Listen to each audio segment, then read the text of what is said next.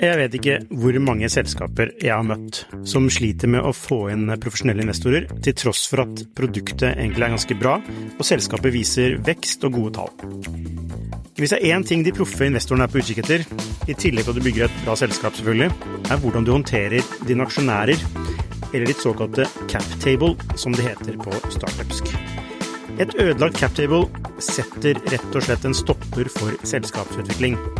Unlisted.ai gjør det mulig for selskaper å håndtere aksje- og opsjonsprogrammer, aksjeeierboken, captable og det meste av rettigheter inn mot aksjene i selskapet på ett sted. Prøv unlisted.ai sin gratulasjon i dag. Hei og velkommen til Skifters podkast. Ukens, ukens, gjest har vært gjennom det meste som gründer, og da inkluderer jeg det å vinne en sak i Høyesterett. Gründer og tidligere daglig leder Anders Esplund i Nettbil, velkommen. Takk, takk. Altså, Nettbil. Eh, dere eh, var oppe i Høyesterett, og dere vant den rettssaken. Det skal vi komme tilbake til, men først, hva er Nettbil? Nettbil er en tjeneste for deg som ikke vil selge bilen din selv. Du går på Nettbil, får tilbud av eh, nesten alle landets bilforhandlere, og får bilen solgt på dagen uten ansvar risiko etterpå. Altså, det er så digg med produkter som er egentlig bare sånn du kan si i én setning og man skjønner det med en gang. Ja, det er, det, det er, det er bra. Det var, vi, vi, hadde jo noe annet vi starta med før nettbil. Ja. Det var vanskelig å forklare i en setning. Ikke sant, hva var det? Og det burde vi tatt som et tegn. Nettopp. Ja, men det er jo et godt tegn, det. Men hva, hva var det for noe, da? Det var uh, Vi Det kom opp et Altså, jeg skrev en masteroppgave uh, på, på NHH om bilbransjen. Og, der, og da fikk jeg liksom lyst til å jobbe noe eller gjøre noe i bilbransjen. Her ser vi at det er mye muligheter. Og så så vi at det kom opp et selskap i USA som heter Beepy. Og Bipi var en slags digital bilforhandler hvor du hadde bilen hjemme hos kunden, og du kunne bare kjøpe bil på nett. Dette var da i 2015. Um, og da skulle altså da på en måte forklare og selge inn det at du skulle selge bilen, eller kjøpe bil på nett, og kun det, og ikke mulig noe annet. Og du skulle forklare til de som skulle selge at bilen skulle stå hjemme, vi vet ikke når bilen blir solgt, men den blir bare stående der en stund, mm. til noen velger å kjøpe den. Mm. Og når vi prøvde liksom å forklare de som skulle selge, da, for vi måtte ha på en måte ha tilbudssiden først på plattformen, så brukte vi veldig lang tid på å komme inn på ok, dette er bra fordi Uh, og de hadde jo allerede løsninger i dag, som var bare å levere bilen til bilforhandleren eller legge den på Finn, som fungerer kjempebra. Så, så da sleit vi litt, da. Måtte liksom jobbe og ha nesten en uh, kvarter, halvtime på å liksom forklare hvorfor du skal bruke dette versus det du gjør i dag. Men eksisterer dette bilselskapet i USA fortsatt? Nei, Nei, det gjør ikke det. Ok, skjønner. Mm. Så, men hvorfor tenkte du at det var en god idé? For jeg kunne ikke så mye om liksom detaljene i bransjen. Jeg bare syntes at det var kult. De hadde masse funding, mm. og det var innenfor en spennende, en spennende det jeg syns er en spennende bransje. Da. Ja, fordi bilbransjen, du skrev en oppgave om det, masteroppgave. Mm. Og hva skrev du da? Jeg skrev om leasing, jeg. Altså det var et lite leasingselskap som skulle vokse, egentlig, mot større konkurrenter, da. Bedriftsmarkedet. Ja. Ja, Det var en case, da, eller? Ja, en slags case, ja, for et selskap. Ok, Og hva fant du ut, da? Jeg fant ut at man må være um, differensiert og tydelig, og at det er vanskelig å konkurrere i et uh, marked med store stordriftsfordeler, egentlig. Ja, basically, ikke sant, for det er vel et pengespill, det der? Ja, altså det er, et, uh, det er et pengespill, og jo mer biler du på en måte kjøper inn og leaser ut, jo bedre pris får du også når du kjøper inn. Ja, og Påvirket det måten du tenkte på hva slags produkter som du kunne introdusere i markedet? Um, det, det, påvirket nok liksom at det her er det mulig å gjøre noe, uh, men ikke selve produktet. Nei. Uh, det gjorde det ikke. ja. Mm. Så er du, hvorfor er du interessert i bilbransjen, egentlig? Er det noen grunn til det? Um, jeg var Pappa drevet uh, med leasing. Å oh, ja. ja. Nettopp. Ja. Så jeg har fått, fått litt inn der. Ja. Og han startet faktisk et uh, selskap som han ikke nå driver lenger, innenfor leasing. Mm. Uh, så det var liksom Jeg har liksom sett på de drive med det når jeg var liten. Ja. Mm. Leasing. Altså bare for å Siden du er ekspert på leasing, da. Uh, det, det, det, vil jeg ikke si, men Hva lønner seg? Lønner seg å kjøpe en bil og lease en bil, eller lønner seg faktisk å abonnere på en bil? Kommer an på behovet ditt er, altså. Ok, Hvis du er typisk familiefar med to barn, som bor i Vollen i Asker, tilfeldigvis. Tilfeldigvis. Ja. Eh, da, da lønner det seg Da må vi vite litt mer om behovet også, da. Men eh, jeg vil si at hvis du skal være økonomisk, så lønner det seg å kjøpe en eldre, brukt bil. Ja. Som fortsatt er innenfor fabrikkgarantien, egentlig, og så kjøre den litt, og så selge den. Ville jeg gjort. Eller kjøpe en bil som er liksom gått ut, da. Ja, nettopp. Så eh, hvis du, det er en likviditetsgreie, da, med tanke på Mm. leasing eller abonnement. Du, altså hvis du ikke har likviditet, så er det det du bør vurdere. Og hva, av abonnement og leasing, hva er best? Jeg ville tenkt på leasing som sånn eh, nesten forsikring, at du liksom du er, sik du er sikker på hva du får solgt den igjen, da, så er du sikker på hva bilen koster deg. Og når det kommer til abonnement og leasing, så er jo i mitt hode så er det egentlig det samme. Ja. Det er bare at abonnement er leasing med mer fleksibilitet. Mm. Så du betaler jo da på en måte litt for å ha mer fleksibilitet for å abonnere på bilen, enn hvis du låser deg til én, to eller tre år, da. Ja, ikke sant. Så, det er, eh, så hvis du liker mer fleksibilitet, så bruk, altså gå for bilabonnement. Ja. For da kan du bytte bil, for eksempel eh, du kan ha en firehjulstrekk på vinteren og en tohjulstrekk på sommeren så videre. Det kan du gjøre. Ok, da har vi fått dette ut av verden. da skal vi videre. Um, ok, så dere lanserer Hva, hva heter selskapet dere lanserte da? Carvy heter det. Carvy? Carvy, ja. Altså, hvordan skrives det? Eh, C-A-R-V-Y. Ok, hvor, fikk du, hvor fant, hvordan fant du på det navnet? Det var ehm, Det var eh, På den tiden så tror jeg det var litt sånn Vy, det var litt sånn skulle være litt kult. Ja. Og så så vi jo på startups at det skulle være noe car Vy, og liksom være noe nytt, representere nytt, akkurat som Beep gjorde, da, som vi liksom Ja. syntes var ganske kule og hermet litt etter. Ja. Eh, Og det fungerte jo semi i praksis, det skal nevnes. Ja, fordi at eh, nettbil Mm, er jo veldig sånn nedpå og litt tydeligere. mm. Altså, var det en lærdom? Ikke være kryptisk? Ja, og det kom egentlig med at vi, i starten så gjorde vi, jeg, Eirik og Thomas, da, vi gjorde jo alt på en måte selv i denne reisen. Ja. Og da kom liksom lærdommen eh, fra at du bare ringer kundene, som kan være eldre eller yngre eller i forskjellige situasjoner. Mm. De eh, sier Carvey, jeg skjønner ikke helt, eller hva er det, hvordan skrives det, hvordan skrives det, hvordan kommer jeg på nettsiden, hvordan gjør alt dette? Mm. Og så hadde vi også en dialog med en um, Jakob Tverebakk. Ja. Han uh, tipset om, også var jo ganske tydelig på at dette navnet må over til, uh, over til noe norsk som uh, folk skjønner. Ja. Og da byttet vi til nettbil, da, som også var litt likt nabobil, da, men det Men Jakob Tverbakk, han er jo tidligere Bilia-sjef, kan man si det? Eller sånn, han var med i nett Han var vel i nabobil? Bavaria, var han ikke det? Han var Bavaria var det, Bavaria. Bavaria. Mm, og nabobil, mm. eh, og ja, han er litt ja, Hva an- andre ting? Altså, han er Nei, nå så er han vel CEO et sted, men jeg vet, han har sikkert vært med på andre ting, men det kjenner jeg ikke. Jeg men, kjenner men han var han investor i nettbil? Han var ikke investor i nettbil. Nei, dere bare spurte han. Vi var i Vi hadde litt sånn løpende samtaler om hvordan vi eventuelt skulle samarbeide og litt eh, Mm. Litt sånne type ting, da. Okay. For om eventuelt om Bavaria da skulle liksom samarbeide med nettbil, eller liksom hvordan skulle gjøre det. ja, nettopp. Mm. Så, ok, Men dere har tre gründere, har Mm. alle på Handelshøyskolen? Jeg gikk på Handelshøyskolen, og han andre, Eirik, er også økonomiutdannet, og han siste er IT, Thomas. Ja. Ja, og hvordan fant dere hverandre? Jeg møtte Thomas gjennom felles vennegjenger på videregående, og Eirik møtte jeg på befalsskolen i militæret. Ja, Og har du hele tiden visst at du skal bygge et selskap sammen med de? Um, det har alltid ligget noe i meg å bygge selskap, fordi både farfar og pappa har vært eh, gründere Mm. og bygge selskap, så Ja. jeg synes at det har vært eh, gøy og liksom fristet har vært noe med det. Og så har jeg merket når jeg har snakket med de to, at det liksom, de har litt den samme driven og, driven og sånn, så når jeg, når jeg skulle, eller da jeg liksom fant en idé og Mm. kom over disse og liksom skulle gjøre det, så var det naturlig å ringe de og spørre er er dere med? Ja, Så og tror jeg ikke de, helt de skjønte det heller, på en måte, men de, men de var med på det, de. de, men de var med. Ja. Og var det sånn at dere lanserte produktet ut i markedet? Ja.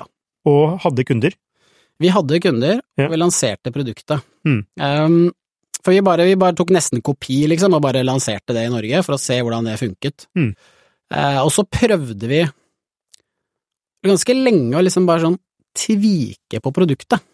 Altså sånn eh, Vi har ikke en eh, sikker betaling-logo, Logo? Ja. ikke sant? Det Mm. er derfor ikke folk kjøper den bilen, eller vi har ikke de, de skjønner ikke den fonten på siden, eller de liksom Vi må liksom endre litt den setningen og sånn. Mm. Og folk brukte det, det var ikke det at de ikke gjorde det, men det, liksom, de bare, det var, det var ok. Det er interessant, den problemstilling der. Ikke sant? Er det tviking som skal til, Mm. eller er det noe grunnleggende Mm. som må endres på? Mm. Når skjønte dere hva som var viktig å gjøre her? Vi holdt det på å tvika da egentlig fra 2015 til utgangen 2016, startet liksom nye konseptet i 2017, sommeren. Og da prøvde jeg bare å tvike og tvike på liksom setninger på At eh, for eksempel, hvis du skal selge bilen, så deler vi oppsiden med deg, eller du får betalt liksom sikkert innen 60 dager, eller Mm. eh, 30 dager, liksom prøvde å tvike på sånne verdiforslag, små verdiforslagsting. Mm. Men, men det vi merket var at når vi markedsførte det og snakket med det, så ble vi veldig like for eksempel noe som heter kommisjonssalg, da. Ja. Og kundene skjønte liksom det var litt forskjell, men det var basically det samme, og det var liksom Mm. Vi klarte ikke å bygge på en måte en ny kategori, da, som jeg syns er viktig, eller klarte å differensiere oss, som jeg liksom har veldig troen på, da, i hvert fall i tidlig fase, tidlig fase startup. Ja. Når, kommer, når forstår du at dette ikke funker? Når vi hadde gjort det samme, og så leste jeg på Jeg leste på mm, Husker ikke på nett eller hvor det var, jeg. At det liksom, når er det, du, når er det du har product market fit? For jeg var jo veldig på søken. Liksom, når har man det? Og da husker jeg når noen som sa liksom at ja, du bare merker det. Du bare merker at kunden er fornøyd, du bare liksom eh, Du bare merker at her er det noe som skjer, og vi liksom Og de følelsene de beskrev, de, de merket vi aldri. Men sånn som når og, og, og løsningen ble ganske smooth. Den ble ganske bra på en måte på det konseptet. Mm. Uh, og det var ikke noe sånn hiccups liksom, i kundereisen, det var fint. Men hvis jeg sammenligner med følelsen vi hadde når vi på en måte hadde første eh, kunden gjennom nettbil, så var det på en måte en annen eh, det var en helt annen, eh, det var en helt annen følelse, og det var en helt annen liksom Fordi det som skjedde da, var at vi, jo, vi bygde jo ikke produktet når vi skulle teste nettbil. Vi bare hadde en nettside og en Facebook-annonse, og så sa vi Vi trodde det var veldig, veldig viktig at bilen skulle selges fort, da. Så vi da sa vi at selg bilen på 90 minutter, få tilbud av alle landets uh, bilforhandlere. Mm. Og det syns noen liksom ja, det var konge, det, det har jeg lyst på. Mm. Og da registrerte de seg, gikk, og da var det sånn at vi liksom var på et verksted på Fornebu, møtte de, i, liksom tok de i hånda, eh, alt var manuelt, kjørte bilen ned, vaska den for hånd, tok bilder for bånd, la inn, fikk liksom de til å teste bilen. De som skulle selge, satt liksom på, på andre sida av bordet. Vi skulle ringe bilforhandler, vi hadde ikke noe kontakt når bilforhandler skulle kjøpe den, men vi bare vi bare ringte, liksom, sånn, fant en bilforhandler fin. Hei, vil du kjøpe en bil? Når da? Ja, nå! Det vil jeg kjøpe akkurat nå! Ja, du må bestemme innen fem minutter! Og så, og så Og så fikk vi liksom to bud, da, Ja. den bilen. Og så tok vi det liksom til kunden, og så sa jeg her, dette er det du får. Ja. Og så sa og så liksom ja, ok, men jeg godtar, og det er fint, og sånn. Så gikk vi på vei ut, og så sa liksom kunden sånn ja, nei, dette var bra, altså. Dette var skikkelig, skikkelig bra. Og det var liksom, vi tenkte sånn, dette er den verste kundereisen. Ja. Som her er det så mye tweaking, det er så verste svar. Mm. Men selve liksom produktet og selve opplevelsen og liksom hva vi tilbød, var noe annet og noe nytt, da. Ja. Som de liksom kunne ta noe med. Ja. Så da følte du product market fit? Da følte jeg product market fit. Ja, men altså, det ligger jo i det. Ja. Eh, Det er noe å, å kjenne på den altså begeis, kundebegeistringen, kanskje. Mm. Ja. Mm. Men var det sånn at dette konseptet var noe dere hadde sett i utlandet?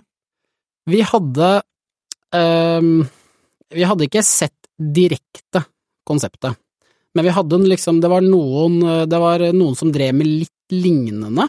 Fordi det som I, i Tyskland så var Auto1 ganske bra, og vi Buy Any Car i England. Men det er sånn at du drar et sted, så kjøper de bilen av deg, og så selger de den videre. Ja. Eh, og så kom det liksom en markedsplass, eh, eller ikke markedsplass, men det å hente tilfeller fra flere kom liksom inn. Og det så vi liksom noen av i Brasil, var det et selskap, en startup, og i Russland var det en startup som gjorde det, og i Malaysia var det en startup som hadde litt samme tilnærmingen. Mm. Så, så det var vel liksom, vi hentet litt inspirasjon, men vi mest gjorde liksom tenkte selv hvordan det vil funke i Norge, da. Er det noen av de som lever fortsatt i dag? Jeg har ikke sjekka nå, jeg tror de lever fortsatt, Ja. men jeg har ikke sjekka hvordan det går med de nå. Nei, altså, du sa we buy any car, var det du sa? Ja. Eh, og da kjøper de bilen på dagen. Ja. Så du bare, du slipper hasselet. Ja. Og det er litt det nettbil, det er liksom samme verdiforslag, er det ikke? Det er samme verdiforslag, men det er, det er egentlig samme verdiforslag som øh, alle bilforhandlere tilbyr, ikke sant, å slippe hasselet. Mm. Men det vi, vi, nå sier jeg vi, det Nettbil tilbyr i tillegg, er jo, øhm, er jo at øh, du får en trygghet og en visshet om at prisen din er riktig. Ja. du får en tillitselement i tillegg til alt at du er slipp, øh, slipper alt hasselet. Mm. Og det tror jeg liksom gjør at det differensierer seg mot det å bare levere bilen hos bilforhandleren eller, øh, eller et annet sted. Men er dette noe Altså, jeg tenker at bilforhandleren kan ikke være så fornøyd med en sånn tjeneste, egentlig. Nei, de er jo De skulle jo gjerne hatt de bilene selv, da. Ja, for det undergraver jo modellen deres. Ja, så de er jo De er jo ikke så De skulle jo gjerne hatt de bilene selv inn i butikken Ja. for å si til deg sånn 'denne bilen er ikke verdt mer, Mm. jeg vil gjerne kjøpe den for den prisen her', og det er alt den er verdt. Ja. De Istedenfor å måtte kjøpe den i konkurranse med alle andre. Mm. Så de er jo ikke så fornøyd, men samtidig så er det jo den de lever jo av å få biler i butikken og selge. Ja. Og vi er jo nå den største innkjøpskanalen for bilforhandlere i Norge. Ja. Så de er på en måte, de er jo glad for nå. Ja, ja, så det er jo selvfølgelig en kilde, men da må de, nå må de konkurrere eh, om, eh, om eh, objektene, da. Mm. Så, men kan man, kan man overføre dette her til andre bransjer? Altså, et, altså det er et område hvor det er, kall det kanskje liten konkurranse, Mm. og det, det dere gjør, dere bringer jo inn et konkurranseelement Mm. for å sikre en trygghet om en riktig pris Mm. på den ene siden, og så fjerner dere haslet Mm. på den andre siden. Mm. Kan det, altså bare se meg at dette må kunne overføres til andre industrier. Ja, det jo Det kalles jo på en måte managed marketplace, eh, det vi gjør, og det er liksom Det vi har sett, da, sånn hvis du tar eh, forskjellige kategorier for markedsplasser, så, så prøver jo eh, forskjellige selskaper det i nesten være sånn vertikal å gjøre det, da. Mm. Um, så det kan definitivt overføres, liksom. Det er folk som prøver i maling, eller i hus, eller eh, ja, hva det Mm. skulle være, på en måte. da. Så det er, du kan overføre det til flere steder, men det er avhengig av noen elementer hvis det skal bli et lønnsomt, voksende selskap. Det, det, er liksom, det er noen dynamikk som det passer godt til i det markedet vi er i. Men er det noen du har sett som er som du bare tenkte dette her konseptet funker også her? Uh, Du kan kanskje ikke si noe? ja. Skal jeg gjøre det sjøl, si. Ingen kommentar. ja. ja, for de funderer du nå på Altså, nei, altså mm, Jeg har jo lyst til å ha litt eh, pause, da. Ja. Men øh, jeg syns jo det er, det er jo dette som er gøy, som du sikkert kjenner igjen nå. Ja. Så det blir jo Må vel finne på noe, finne på det etter hvert. Ja. Ok, eh, du, du kjenner kanskje til solgt.no? Ja. Eh, de har jo liksom litt sånn samme eh, Litt sånn samme greie, eh, Mm. altså, men det er, litt, det er litt mer sånn we buy, we buy any car-konseptet. Litt mer sånn Vibayen, og litt mer sånn som um, Det konseptet har jeg prøvd i, på, måte på hus også i USA, men også på bil. Mm. Så du har Auto Hero, som er Auto 1 sin versjon, uh, for eksempel, eller Kazoo, som er da at du, du på en måte er en digital bilforhandler, uh, og så um, kjøper du bilen veldig liksom, tydelig verdiforslag, måtte kjøpe bilen, og så uh, fra kunden, og så, og så um, selger den liksom til um, til privatmarkedet igjen, da. Ja. Så det er på en måte litt likt. De, så vidt jeg kjenner til de, så er vel de private privat. Ja. Mens vi er da privat til bedrift, så det er litt andre, litt annen dynamikk, Mm. eh, egentlig. Ja, så i det, Kan man si at det er 2017 at nettbil blir født? Ja. ja. Eh, dere får traction ganske tidlig. Vi får, um, vi får fornøyde kunder. Ja. Um, og så var vi da liksom på ett uh, et testsenter i uh, Norge, som var på en måte Fornebu. Men vi trengte, vi trengte å samarbeide med testsenter over hele landet. Så da begynte jo jobben med å liksom gå sammen med noen som kunne gjøre det, som alle, allerede hadde testsenternettverk, sånn at vi liksom kunne skalere da. Mm. Så vi fikk Vi hadde, vi hadde ganske sånn Vi hadde ganske relativt Vi hadde litt sånn litt økning i salg, men vi hadde, vi hadde, mm, vi hadde veldig fornøyde kunder, og det fungerte. Så da begynte jobben med liksom hvordan skal vi liksom skalere dette opp, da. Ja, og hvordan, hva gjorde dere da? Da snakket vi med de som hadde, hadde testsenteret, og fikk til en avtale med de, sånn at vi kunne rulle det ut på deres testsenter, altså som NAF, da, Ja. eller sånn som Viking. Mm. Så vi hadde jo, hvis vi skal liksom se på det på den måten, så hadde vi da en, vi hadde en veldig lokal test. Med ett produkt som eh, var liksom ett sted i Norge for de, de som bodde på det stedet, Ja. og de hadde fornøyde kunder. Mm. Og da var på en måte tanken, som også jeg tror aller i sin tid, når de gikk inn, tenkte sånn, her er det et lite lokalt marked hvor det er noen kunder som er veldig fornøyde, Mm. i en skalerbar modell. Så la oss bare ta den og bare rulle ut den i hele, hele Norge, så blir det bra. Ja, og det blei bra? Ja, det blei det ble, det ble, det ble bra. Vi er ja. store nå, fornøyde kunder og ja, så det er gøy. Det er litt interessant her, dere kunne aldri gjort dette uten testsenteret.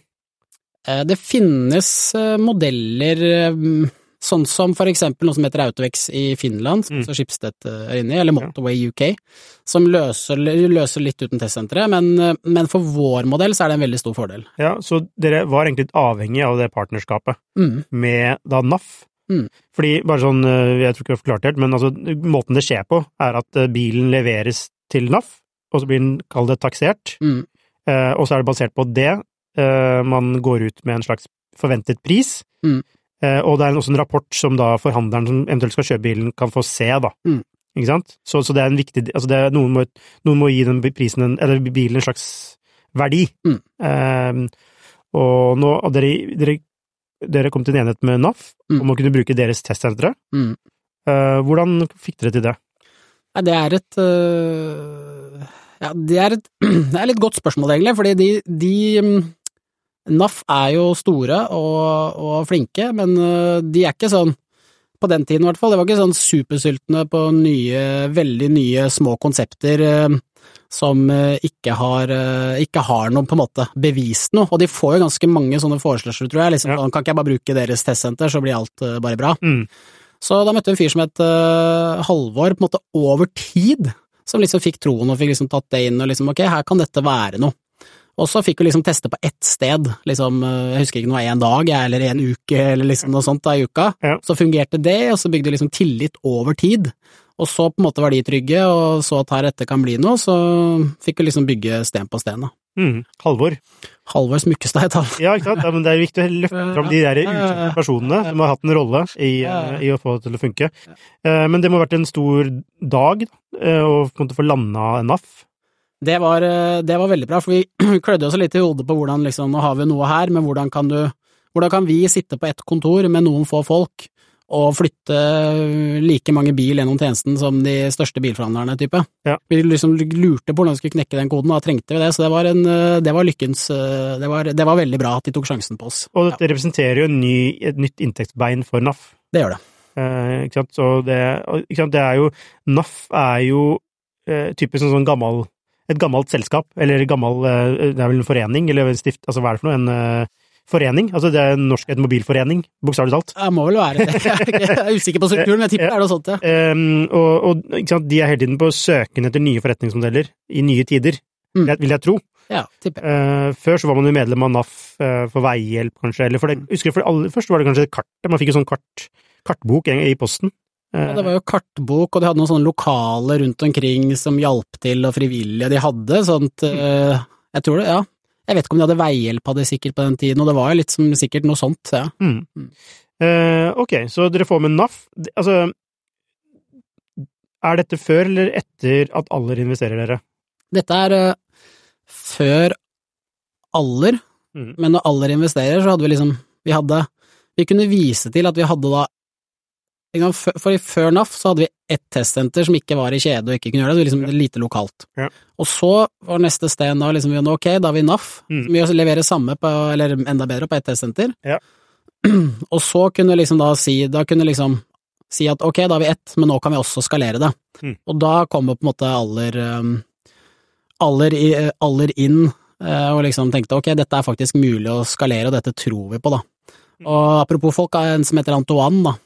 Var jo øh, inne og for aller og hadde liksom kaffe og liksom bygde, bygde caset sammen med han, så det var veldig nyttig sparring i den, i den reisen, og liksom tror jeg han var sentral at de liksom tok sjansen på, på oss da i den fasen. Ja. Ja, så han var med før Han, han hjalp til i forkant. Han jobbet i Aller, Ja. Og så skulle de, jeg tror de hadde lyst til å gjøre noe innenfor bil, Mm. så sendte han, øh, sendte han LinkedIn-melding til meg og spurte sånn, du har jo drevet med noe bil, kan vi bare ta en kaffe og høre hva som skjer? Og så ballet det på en måte på seg da, hvor han var liksom aktiv pådriver i alder, tror jeg, Ja. for å få den. Mm. Og så fant vi liksom en øh, fin tone på hvordan liksom dette kunne få ut og se ut i skala. Men, men kjente du Antoine? Nei. Men hvordan kom han over deg? Det vet jeg ikke, men, Bra, øh, bra spotta, da. men det var bra spotta. Det var veldig bra spotta, og han Så han var øh, Så han, han gjorde det bra. Jeg husker han sendte, sendte LinkedIn-melding med Hei, Espen. Mm. I stedet for Hei, Anders, så han tok feil navn, til og med. Så, så da, da, da husker jeg jeg tenkte sånn Jeg får bare la den gå, for dette er et bra møte. Dette, dette kan bli bra. Vi får bare, det får bare se gjennom fingrene på. Ja. Og da Aller, eh, i tillegg til penger, selvsagt, Ja. eh, så er jo deres verdiforslag at de har en del bilpublikasjoner etc., Mm. så de kan spre det glade budskap. Mm. Her er jeg litt nysgjerrig, Mm. Fordi det er veldig mange sånne såkalte corporate eh, strategiske investorer Mm. som, som sier det. Mm. Um, og fikk dere den verdien ut av det? Vær helt ærlig. jeg, det er mange som går for den eh, for penger, og noe i ads for equity, er det det heter. da. Mm. Og det beste for selskapet vil jo være å få kun få penger, sånn at du kan bruke det der det gir mest verdi. Ja.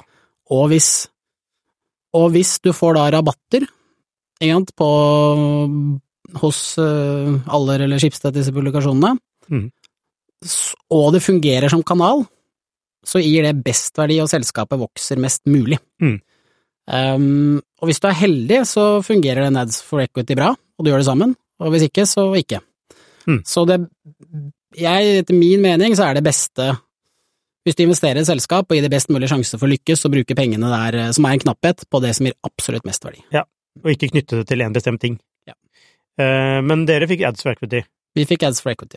Så det er din lærdom av det, at Mm. eh, hvis du kunne gjort det på nytt, Mm. så ville du kanskje vært mer på cash.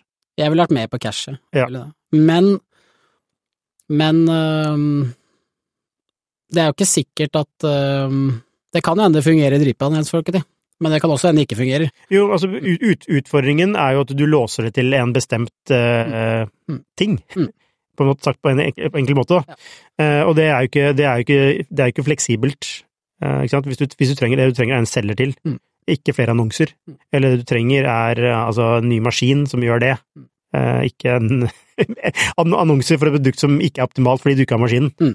Så Absolutt. ja, så det gir mening. Så det, det jeg tolker da indirekte, var at det var kanskje ikke var det, Ga dere ga det noe særlig Altså, ga det verdi, altså den ads-biten, på det tidspunktet dere var på i reisen da? Altså, vi, vi syns jo på en måte aller Schibsted, sånne type ting, er vel, var veldig interessante å ha med oss, på grunn av at de hadde jo muligheten til å nå mange, ikke sant, Ja. ganske effektivt. Mm. Og det ga verdi, men om vi kunne fått samme eller mer verdi bare for å bruke det på det som var best, Ja. det vet jeg ikke, men ja. Nei, fordi du sa at eh, det som funka til slutt, var jo egentlig god gammeldags uh, Hva var det, TV? god gammeldags markedsføring, altså. ja, Ja, TV og radio, liksom. ja egentlig. Ja. Ehm, så, og, og, og kanskje den adspenden du skulle brukt, da, var på det. Ja, det kan du, det kan du si, men det kommer an på fasen òg, ikke sant. Så mm, tidlig fase så var det jo litt annen type markedsføring enn det vi trenger nå. Ok, men dere jobber med alder, eh, og dere får mer traction. Mm. Eh, ikke nødvendigvis på grunn av alder, men dere får i hvert fall mer traction. Og så kommer Finn inn i bildet her. Mm. Hva skjer? Hvordan, hvordan starter den dialogen? Altså det vi, vi um, Ja, ikke sant. Consumer brand eh, som du bruker sjeldent. Igjen, så det vil si at du selger bilen din hvert tre år eller noe, da. Så du må liksom huske, og du må liksom være top of mind eh, når det skal skje. For hvis du skal bygge en 3D-kategori, så må det liksom være tilgjengelig. Ja. Um, så vi måtte hente penger, vi, tjente, vi, vi gikk jo ikke pluss på den tiden. Uh, måtte hente penger, og gjorde en, uh, begynte på en uh, kapitalrunde da i 2019. Uh, og jobba med den gjennom uh, 2019. Og så um, måtte var alle litt sånn Skal vi liksom snakke med Schibsted, eller skal vi ikke snakke med Schibsted, husker jeg? Å ja, riktig. Nettopp. Ja, jeg husker det. Ja. Uh, at det var liksom en diskusjon der. Det var ikke bare bare flere å snakke med Schibsted. Eh, Jeg vil ikke si bare bare, men, eh, men jeg husker at de i hvert fall hadde noen sånn eh, gjorde, gjorde noen strategiske vurderinger rundt det, da. Ja. Men da endte vi opp med å snakke med dem. Ja. Um, og, så, og så utviklet det seg egentlig i løpet av den tiden til at uh, Schibsted så, tror jeg, sin mulighet til å liksom kjøpe ut de andre investorene, mm. og Aller, og så spytte penger inn i selskapet. Ja. Og så funde videre, fordi det var helt eh, liksom um, vi hadde veldig bra potensial i Norge, som vi liksom fikk gjort da, men det Schibsted kunne tilføre, var den å ta det ut av Norge, da, for de var jo eh, Sånn som nå, så er liksom de tre eh, mest spennende C2B-modellene i Europa, på en måte, kan man si, da. Så vi hadde jo muligheten til liksom skalere det opp med Schibsted, og få tatt det ut, var jo noe som jeg syntes var veldig, veldig spennende med den Schibsted-delen. Når du sier C2B, er det consumer to business? Consumer to business. Ja. Yes. Um, men hvem tok kontakt? Tok dere kontakt med Schibsted, eller tok Schibsted kontakt med dere? Vi tok kontakt. Dere gjorde det? Ja. Og hvem, hvordan gjorde du det? LinkedIn? Vi hadde, nei, vi hadde, vi hadde Carnegie, som gjorde den kapitalrunden i 2019 Ja. sammen med oss. Ok, og da så dere på etter Schibsted som investor, primært. Som en co-investor til Aller. Men det det endte opp med, var at de kjøpte to tredjedeler av selskapet, Ja. og i tillegg spyttet inn en del penger. Ja. Hmm. Hvor mye, kan du si hvor mye? Det er et godt spørsmål. ok, nei, um, jeg tror faktisk jeg veit det. Okay, ja. Kan jeg si et tall, og så, og så kan du si ja eller nei? Jeg vet ikke hvor mange selskaper jeg har møtt som sliter med å få inn profesjonelle investorer, til tross for at produktet egentlig er ganske bra, og selskapet viser vekst og gode tall. Hvis det er én ting de proffe investorene er på utkikk etter, i tillegg til at du bygger et bra selskap selvfølgelig, er hvordan du håndterer dine aksjonærer, eller ditt såkalte cap table, som det heter på startupsk. Et ødelagt cap table setter rett og slett en stopper for selskapsutvikling. Unlisted.ai gjør det mulig for selskaper å håndtere aksje- og opsjonsprogrammer, aksjeeierboken, captable og det meste av rettigheter inn mot aksjene i selskapet på ett sted. Prøv unlisted.ai sin gratisversjon i dag. Nei, det, vi, vi, får, vi, får, ta den, vi får ta den senere. ja. Um, ok, de, de skipste går altså inn, eller Finn går inn, mm. men det er jo ikke Altså, Finn er jo desidert markedsleder. Mm. Så det går ikke upaktet hen fra Konkurransetilsynet. Mm. Så hva skjer da? Nei, det som, er, det som, er, veldig interessant, er jo at vi gjorde jo eh, Det blei gjort en sånn juridisk eh, DD på at liksom noe sånt skulle skje. Og det konkluderer med at eh, vi er jo ikke i samme marked, ikke sant, så det her er det Dette, dette går fint. Og så så vi gjennomfører jo transaksjonen, vi går inn i Finn og liksom integrerer, eller ikke integrerer, men liksom blir en del av det, og ansetter opp Eh, en del folk. Vi hadde en ganske aggressiv plan, fordi ikke sant, nå er det sånn, vi er blant de fremste C2B-selskapene i Europa. Mm. Vi, liksom, det, er nesten, det er veldig få konkurrenter. Det er up for grabs, det er kjempemuligheter. Vi vil bare skalere det så fort som mulig ut, og vi har kapital til å gjøre det. Så liksom skalerer opp, vi gjør alt det.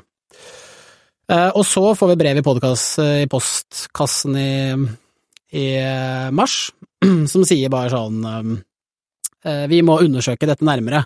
Så selv om det er gjennomført, så må vi se på om vi liksom må selge igjen, da. Ja. Som jeg tror var første gang eh, hadde skjedd. Mm. I tillegg til det så var vi jo Vi var jo, ekst, vi var jo ekstremt Vi er jo ikke store nå heller, men vi var jo ekstremt språ da. Altså, ja. tenk at vi var jo Hvor mange var vi? 10-15 mann, liksom, som hadde volum på biler som en uh, bilforhandler uh, på hjørnet. Ja. Så det var jo litt sånn Det var jo langt under grensa, og det var jo alle disse tingene her, så vi blei veldig overrasket alle sammen. Ja, for det, hva heter det, så, såkalt melding, eller sånn konkurransemelding, eller hva er det for noe? Det, altså, disse De kom med et, altså, et varsel. Ja. De kom med et varsel om at de ser på saken, eller skal undersøke saken, da, mm. for å se om det liksom kan eh, gjøres eller ikke. Ble du stressa da? Det, hvis jeg husker rett, så kom vel det ca. samme uka, eller uka etter som eh, Eller før som eh, korona kom. Ja. Og vi hadde da skalert opp enormt mye. Vi tapte penger. Jeg tror vi hadde penger da, liksom i forecastet, til å drifte ut september-oktober eller noe sånt, jeg. Mm. Uh, så da ble jeg stressa, jeg gjorde det. Første gang du ble stressa? uh, ok, så hva, uh, hva gjør du da? Eller hva kan man gjøre da?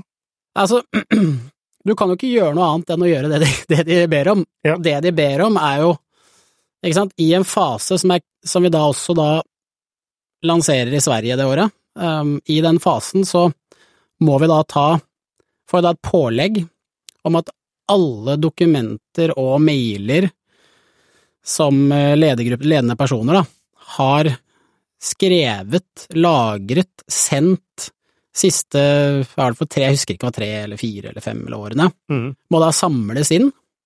Alt sammen må samles inn. Og du, alle må gå gjennom alt, og alt må liksom kategoriseres, liksom sendes inn til de, sånn at de skal liksom gå gjennom. Og det var da ord som omhandler da konkurranse, ord som omhandler eh, penger, investering, konkurrenter. Så da må du drive og gå inn da i alt. Alle ledende personer gjort i selskapet, fra alle liksom ressursene som har ledende personer, og bruke masse tid på det i, i en tid hvor du liksom har skalert opp masse folk, skal lansere et nytt land, um, og du taper penger, mm. og du vet liksom ikke hvor dette ender, for hvis du liksom, hvis de konkluderer med at du ikke kan, så må du i prinsippet få nye eiere, da. Ja. Må selge. Så mm. det, var, eh, var, interessant. Altså det, hva tenk, altså det er jo litt sånn, du har følt på kroppen, da, det, altså Altså, det er ikke liksom uproblematisk å regulere. Mm. Um, og det er, derfor, det er, derfor, det er vanskelig å regulere. Altså, det tar en enorm kost for, mm. for dere. Mm. Det er ikke en kost som nødvendigvis Konkurransetilsynet føler på. Altså, de har jo sin, det de skal gjøre. Mm. Eh, og det skal, det, det skal, sikkert være slik også, men, men, men, men jeg vet ikke, du, du, må ha gjort opp noen tanker rundt, rundt dette med altså, mm. regulering. Mm.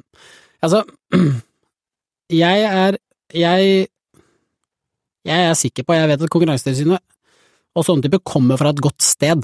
De vil jo godt, og det de vil er jo å gjøre sånn at vi som forbrukere får det best mulig. Det er jo det de vil, å sørge for at det blir konkurranse. Mm. Um, og det blir høyt konsumentoverskudd. Så det vet jeg at de vil, og det er bra. Uh, og det, så i de studiene jeg har sett, så et effektivt og godt konkurransetilsyn gjør at det er bedre for brukeren i det markedet, eller i landet. Ja. Um, men akkurat i vår sak Selvsagt. så, så vil jeg jo, så vil, så vil jeg jo si det at det er liksom den Når vi da, ikke sant, vi, vi jeg, er, jeg er litt glad for det, kanskje, fordi jeg skjønte jo ikke da at dette kom til å ta tre år. Jeg tenkte sånn ok, dette er opplagt at det ikke er noe problem, Mm. så det går fint. Så vi dro jo over dit. Um, og jeg også, og så bare gikk jeg liksom gjennom dette er nettbil, dette er Finn, dette er bare sånn ok, jeg skjønner at dere har lyst til å se på det, men nå er vi Ja. Det var det, og så det å liksom da sitte der tre år senere, og så er Høyesterett konkluderer med nøyaktig det samme som jeg sa da, det, det er jo litt Da kjenner du regulering på kroppen, ja. Eh, men hva er det Konkurransetilsynet mente hvor, Hvorfor mente de at dere brøyt altså konkurranseloven, da? Ja, altså, jeg tror det startet med at øh, konkurransetilsyn rundt omkring i verden slet med på en måte å stoppe øh, oppkjøp i tidlig nok fase, som for eksempel når Facebook kjøpte Instagram, for Mm. eksempel. Da. Ja. Så? Og da fant vi ut etter det, her må vi inn og regulere, vi må ha noen mekanismer for å gjøre det. Og så tror jeg da også at konkurransen i Norge legger sånn, ja ok, her er litt lignende, her er stor tech og liten, og her kan liksom gå inn og her kan vi ta det før det på en måte blir, og så liksom gjøre noe godt ut av det, da. Og, og det deres argument eh, da var, eh, var jo at eh, vi og Finn er i samme marked. Det er jo egentlig det de sier, ikke sant, og at da Finn får eh, større markedsandel ved at vi Men er det ikke sånn marked? Nei, det er det vi ikke er, da, ikke sant. Altså, er det ikke og det å selge, bil, selge bilmarkedet? Nei, det er det det ikke er, ikke sant, fordi Ok, da må du forklare. Ja, det skal jeg gjøre, fordi um, det finnes i hovedsak to måter folk selger bilen sin på. Det er noe kommisjoner, men i hovedsak to måter. ene er til en øh, annen privatperson, enten gjennom Finn eller øh, Facebook eller henge lapp på tavla på matbutikken, liksom. Ja. Eller så er det å selge til en bilforhandler. Å selge til en privatperson løser Finn kjempebra. Mm. Selge til en bilforhandler, der er liksom, der er vi. Mm. Der er, det er det vi gjør. Ja. Eh, Så der er vi på en måte to, to forskjellige definisjoner liksom av markedet i seg selv. Men blir ikke dette bare en sånn semantisk diskusjon? Fordi at det er ikke Utgangspunktet for en person er at han vil bli kvitt bilen sin. Mm. Det er, det er det målet vedkommende har. Mm. Eh, Og det kan enten skje gjennom Finn, Mm. eh, det kan skje gjennom forhandler, Mm. eller det kan skje gjennom dere, da. Mm. Er man ikke da i samme marked? Og det er og det er der, og det er der dette regelverket kommer inn, da, ikke sant? For du må ha noen definisjoner på hva som er samme marked. Fordi du kan liksom si sånn um, Hvis, uh, hvis uh, Ryanair setter opp prisene, hvor mange tar privatjet fra London til New York, for eksempel, da? Mm. Ikke sant? Altså det er sånn, er de i samme marked, eller ikke samme marked? Hva er på en måte samme marked? Er, det, er, det på en måte blir jo liksom Det Ja, blir diskusjonen. Men la oss, i det eksempelet, da, la oss Mm. si det var folk alle var folk som hadde råd til å ta en privat At det var et reelt alternativ. Mm? Altså det er reelle, reelle alternativer som står opp mot hverandre. mm. Eh, jeg skjønner at loven er på måte, men er det ikke da, er det ikke da måte, i samme marked? Er det ikke samme, altså samme Eller er det sånn at Ja. Nei, for du må jo, du må jo liksom, du må definere, du kan definere på forskjellige måter, men behov, da, for Ja. eksempel. Mm. Så hvis du har behov for å bli kvitt bilen enkelt, raskt og trygt, så går du til en bilforhandler, for eksempel. Ja. Hvis, du har, hvis du har behov for å få mest mulig for bilen, så går du på Finn. Så derfor så er det to forskjellige behov det løser, ikke sant. Og så kan du helt fint liksom, du kan dyppe tåa di litt i Finn og føle hvordan det er, du kan dyppe tåa di og høre hva en bilforhandler det, det er jo helt fint å gjøre det, det er ikke noe problem med det. Mm. Men du har jo to forskjellige behov. Ja. Så vi løser jo to forskjellige behov, ikke sant. Så måten man, måten man liksom tester det på, er jo da, eh, som ble liksom kjernen i vår sak òg, det er jo å si eh, hvis jeg endrer prisen med 10-20% på varen, hva, hva vil konsumenten gjøre? Hvordan vil, vil konsumenten liksom endre hvordan han oppfører seg, eller ikke, da? Liksom velge den varen istedenfor. Så for eksempel eh, kjøttdeig. Ja. Ja, hvis eh, Gilde og Folkets, for eksempel, eh, hvis Gilde setter opp prisen med 20% så går flere folk og velger den andre kjøttdeigen. Ja. Det er riktig. Mm. Mens i vårt tilfelle så er det jo da hvis uh, finn.no uh, Nå husker jeg ikke hva det koster å selge en bil her nå i annonsepris, Mm. men la oss si det er 800 kroner. Mm. Setter opp prisen til 880 kroner. Hvor mange går og selger bilen til bilforhandler? Mm. Og konklusjonen er at jeg vet ikke om det er, det er vel ingen, basically. Mm. Så derfor så kan det liksom ikke sant? Du kan tenke sånn, ja, du kan stort sånn, for dette er selge bil, er et, liksom i samme marked, men det er egentlig flere måte markeder i markedet, da. Mm. Og det må, du må løse samme behov, og det må være samme type konsument som ville brukt det for at du liksom skal være, eh, være konkurrenter til hverandre sånn sett. Da. Så vi er jo konkurrenter til for eksempel de som er um, hvor det bare går et sted og selger bilen sin. Mm. Vi er ikke konkurrenter med de som velger å selge den selv da, og bruke lang tid og har noen andre behov, da, preferanser. Så jeg tenker, slik jeg forstår det nå, så teknisk sett, ifølge loven, så er det jo, så er det jo egentlig innafor. Altså, det vil si, det er ikke en det er ikke en sak for Konkurransetilsynet å regulere i, for det er to forskjellige markeder. Mm. Men hvis man ser det fra en annen, altså ikke en markedsdefinisjonsgreie, altså, greie, Mm. så er det jo samtidig en, en alternativ Altså det er en konkurrerende måte til Finn å selge bilen sin på. Nei, egentlig ikke. Nei. fordi, fordi, fordi du, hvis du hvis du skal selge bilen din, ikke sant? Altså jeg, for meg, jeg solgte Mm. bilen min på nettbil, Mm. faktisk. Mm. For meg sto det faktisk mellom Finn og nettbil. Mm. Eh, og så var det sånn, skal jeg, det er litt sånn som, skal jeg kjøpe ting eh, på Oda eller på Rema? Ja, det, blir ikke, det blir ikke, helt, det blir ikke helt det samme, da. Men du valgte jo du valgte, Hvorfor valgte du, ikke sant? Det er viktig å ikke tenke Mindre. Finn, men du må tenke på å selge selv. Ja. Hvorfor, valgte du, hvorfor valgte du ikke selge selv? Eh, hassle. Mindre, mindre hassle. Ikke sant? Mm. Og hva, hvem er det som tilbyr mindre hassle? Nettbil. Nettbil og Eh, bilforhandlere. bilforhandlere. Alle landets bilforhandlere. Ja. Mm. Eller, ikke sant, for eksempel ja, hvem som helst, basically. Alle Altså, bilrådet. så Så, sånn- så, ditt, så ditt, ditt valg var jo egentlig ikke. Det var egentlig ikke selge bilen selv, det var okay, jeg jeg vil ikke skjønner jeg jeg vil liksom velge enten en bilforhandler eller nettbil, da. Ja, riktig. Fordi hassle det trumfer eh, Altså, det er det trumferende behovet. Ja, ja, altså det, det var på en måte ditt trofferende behov, da. Ja, Så, mm. og så er det sånn, hvis nettbil da? La oss si nettbil hadde blitt uh, en god del dyrere, så ville du plutselig sjekka en annen tjeneste for å få liksom, hva kan jeg få i pris der? Mm. Kanskje. Ja, eller en bilforhandler. Eller en bilforhandler, ikke sant. Så ville du liksom gjort det. Mm. Mens hvis uh, Finn blir litt dyrere, så hadde du fortsatt ikke valgt Finn. Eller hadde fortsatt ikke valgt Facebook Market. Du, altså, du kanskje, hvis Finn ble dyr, så hadde du kanskje valgt Facebook Marketplace, da. Ja. Hvis du selger selv. Så det er Så måte- Finn, da selger du til privatpersoner, mens Nettbil mm. konkurrerer da egentlig mot bilforhandlere, da. Ja. Eh, Og sånn sett så gjør det jo det bilforhandlermarkedet mer transparent og konkurranse, altså konkurranseutsatt, Mm. og dermed øker konsumentoverskuddet, da. Eller altså det blir jo bedre for konsumenten, egentlig. Mm. Sånn, Ja. hvis jeg skal tale deres sak, da. Ja.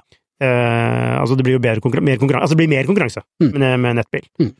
Eh, mm. Ja, da har vi fått det ut av verden. Eh, det var jo fint at eh, Høyesterett var enig med dere, da. Det var fint at både lagmannsretten og Høyesterett var enige, men det, det det, forventet, det forventet vi òg, men øh, ja. Ja, forvent, altså, du, altså, kunne du forvente det? Fordi at det er jo sånn, du vet jo aldri.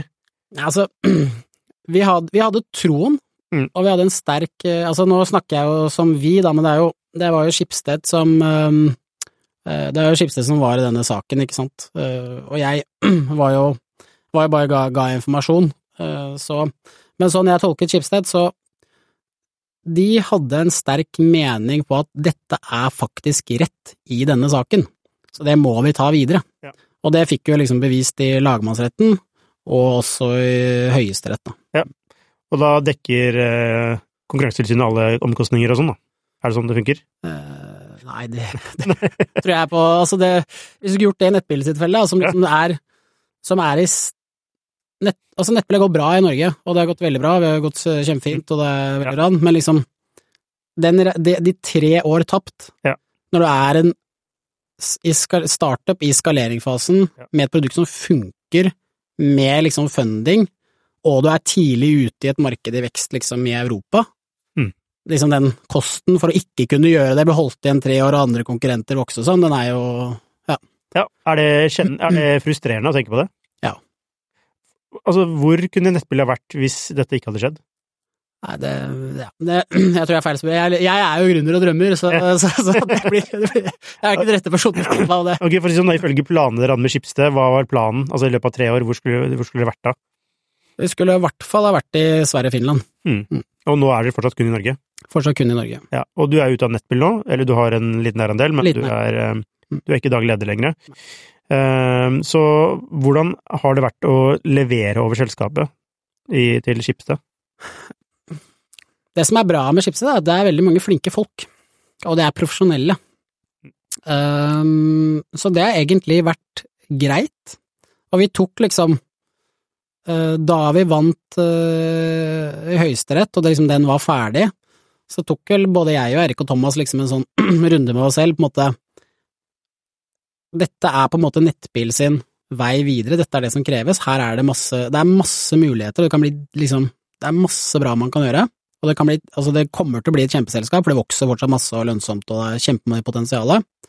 Men skal vi være med å dra den 35 år, eller skal vi overlate den til noen andre, og så tenke sånn dette var vårt kapittel, og dette er liksom riktig for vårt og, vårt og våre behov, og når jeg etter hvert gikk opp den løypa, og jeg begynte liksom å kjenne litt sånn Begynte å kverne litt på, på litt sånn noen andre ting, begynte liksom å stille spørsmålstegn med det, da kjente jeg også litt sånn selv at da er det ikke riktig for meg å liksom si at jeg skal ha den reisen her, for skal, liksom, skal du lykkes, eller min mening, skal jeg lykkes i den rollen, så må jeg være Mm.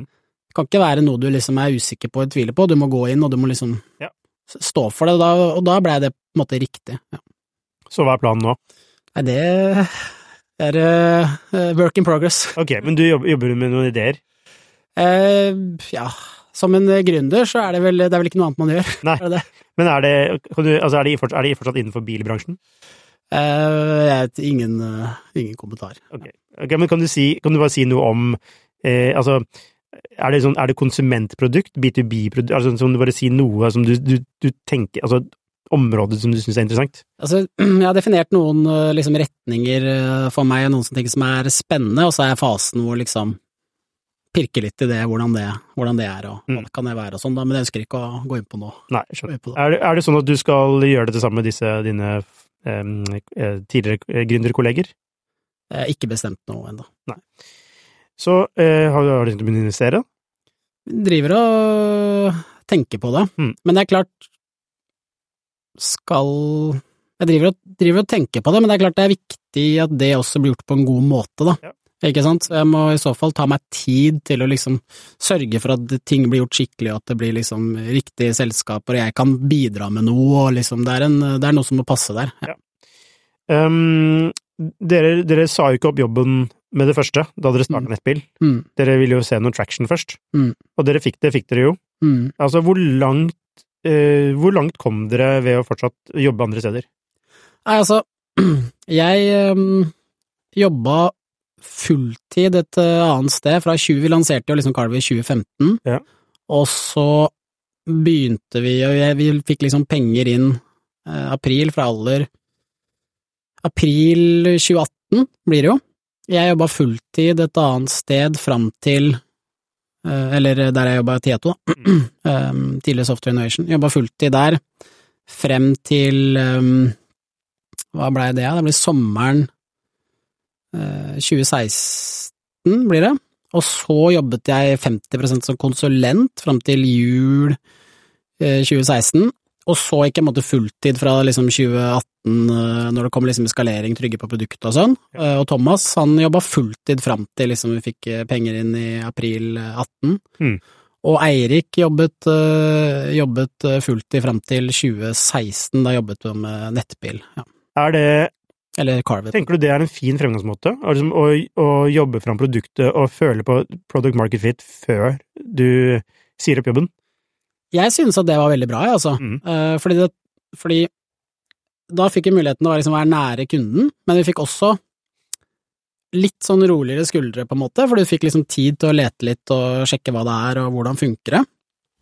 Um, og så er jeg jo glad for, i dag, at vi liksom ikke bare gikk eh, bare, sier jeg. Mm. Ikke, at ikke henta penger og ikke å skalere Ja. første produktet. Mm. Ikke sant? At liksom bare slutta alle jobben, alt inn på å få inn noe penger og bare skalere det. Det at vi liksom fikk tatt De var jo Det var litt jobb da med å liksom gjøre det på kveldstid og det på dagtid og noe ferie og sånn, men jeg er jo glad for det nå. Det er jo for da liksom Da, da, når, vi- da vi henta penger, så var det på riktig konsept som vi visste vi hadde trygghet på, vi kjente bransjen og sånn, istedenfor liksom hente penger i feil konsept, og så begynne å skalere det, og så funker ikke det, og så ja. Ja, for det var ikke noe problem med å hente penger, var det?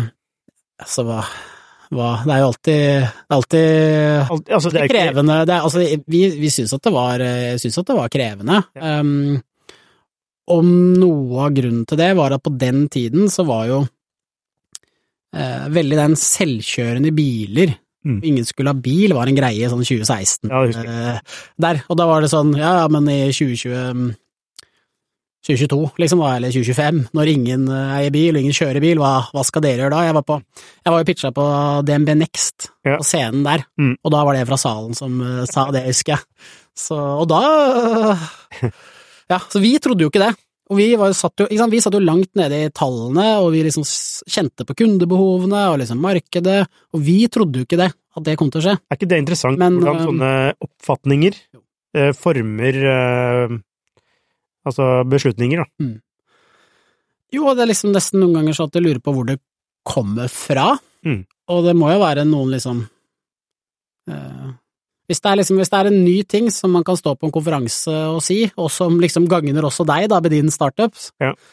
så tror jeg du får liksom få ved deg veldig mye og det er det nye og sånn. Litt sånn Gartners hypecurve, og liksom du kjenner til den, den delen, og så men for oss så var det litt frustrerende, for vi satt nede i tallene, og vi satt og kjente på behovene, og vi liksom ok, dette, dette tror ikke vi kommer til å skje, men, øh, men du møter det liksom hver gang, og da må du begynne å ja, ok, men det kommer ikke til å skje på grunn av det og det og det og det og det. Og det. Ja. Ja. Altså nå er det, hvis du har en AI-startup nå, så hjelper det jo sikkert. det hjelper sikkert.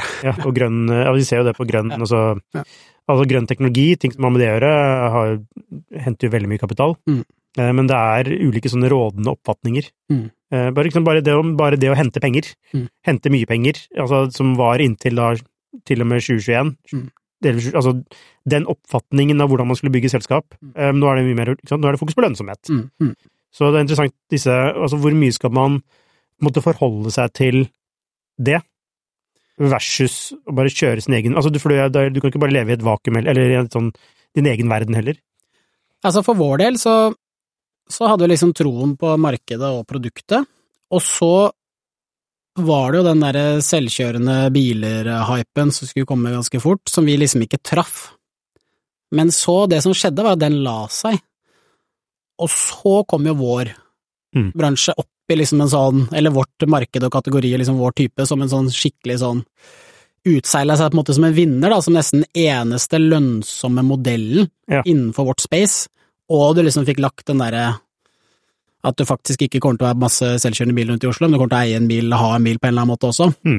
Når liksom den fikk lagt seg død, så kommer vi liksom ordentlig opp, så for oss så var det viktig bare Dette tror vi på, og liksom holde på det, og vi liksom vi, hva gjorde, Den er viktig. Hva gjorde at dere trodde på dette?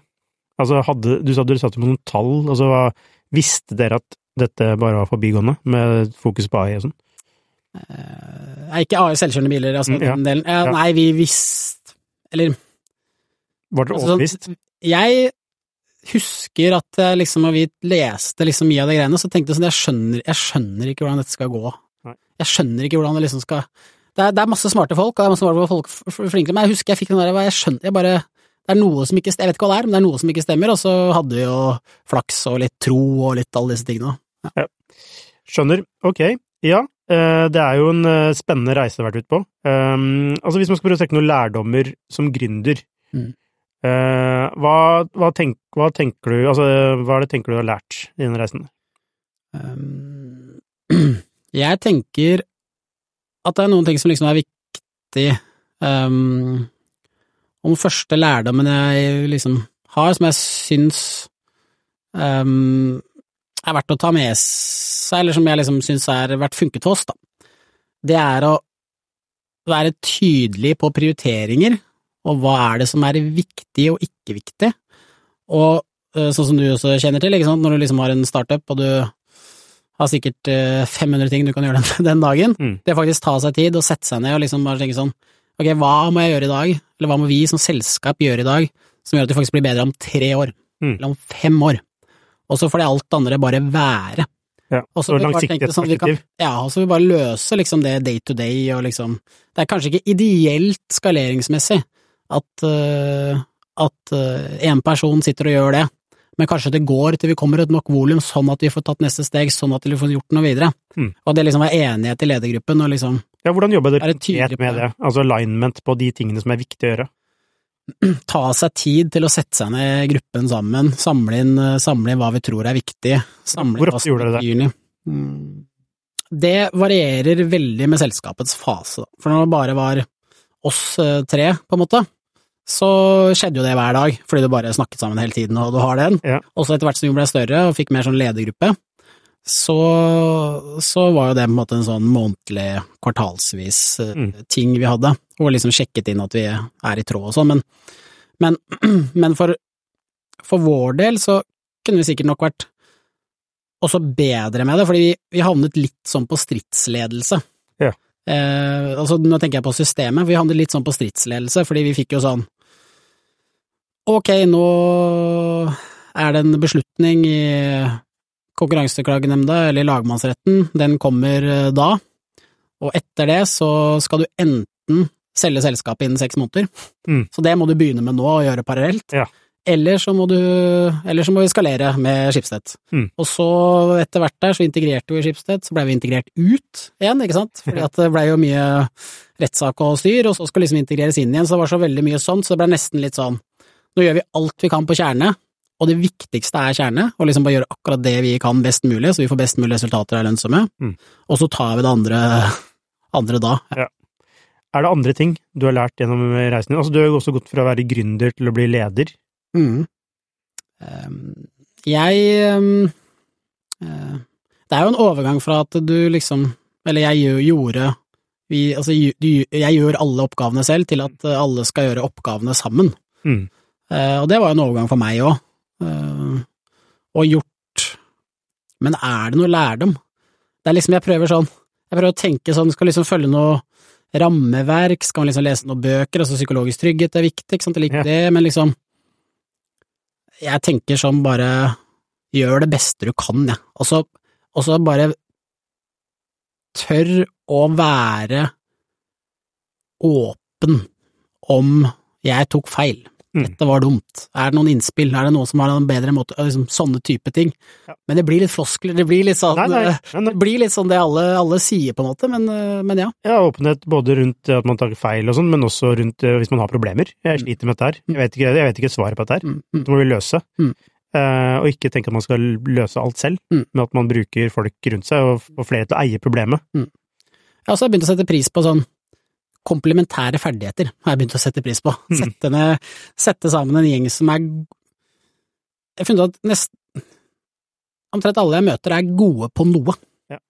De syns det er dritgøy, og de er gode, og de har noe. Og det som er gøy, som blir liksom mer og mer gøy, er liksom å få de inn i den rollen og inn i den stillingen hvor de blomstrer, og de kan gjøre mer det de syns er gøy. Ja. Det syns jeg også har vært en det, Hvis jeg skulle gjort det tidligere, eller pusha på det mer tidligere, kanskje. Ja. Så eh, takk for eh, at du kunne komme hit, eh, Anders. Eh, eller Espen, som Antoine ville sagt. Takk. Eh, eh, eh, ja, jeg ønsker egentlig bare masse lykke til videre i dine prosjekter. Eh, og sikker på at du Eller kommer du til å bootstrappe, tror du? Det vil si at du bygger selskap uten å hente penger. Ja. Det Det virker som det er et, litt, litt, litt kommer jeg til å gjøre noe. ja, for det er- virker som det er et prinsipp hos deg. Ja, eller det er ikke, det er et, det er ikke nødvendigvis et prinsipp, altså det er pragmatisk det, hva som funker, men nå har jeg vært så heldig og havnet i en eh, situasjon hvor jeg kan nok bootstrappe lenger enn det jeg gjorde tidligere. Ja. Så jeg, det er nok eh, det mest sannsynlige scenarioet, men det betyr ikke at det kommer an på hva man gjør. Det er ikke sikkert at det er dette for akkurat det. Ja. Men uansett, tusen takk, og masse lykke til videre. Takk. Hei, hvis du likte denne episoden, så abonner på den, og gi den gjerne en femstjerners rating med dine tanker. Hvis du er interessert i temaene vi tar opp på denne podkasten, så anbefaler jeg deg å gå inn på skifter.no, og hvis du mener vi fortjener det, så kan du gjerne støtte oss ved å abonnere på Skifter. Takk for at du hørte på, så ses vi neste uke.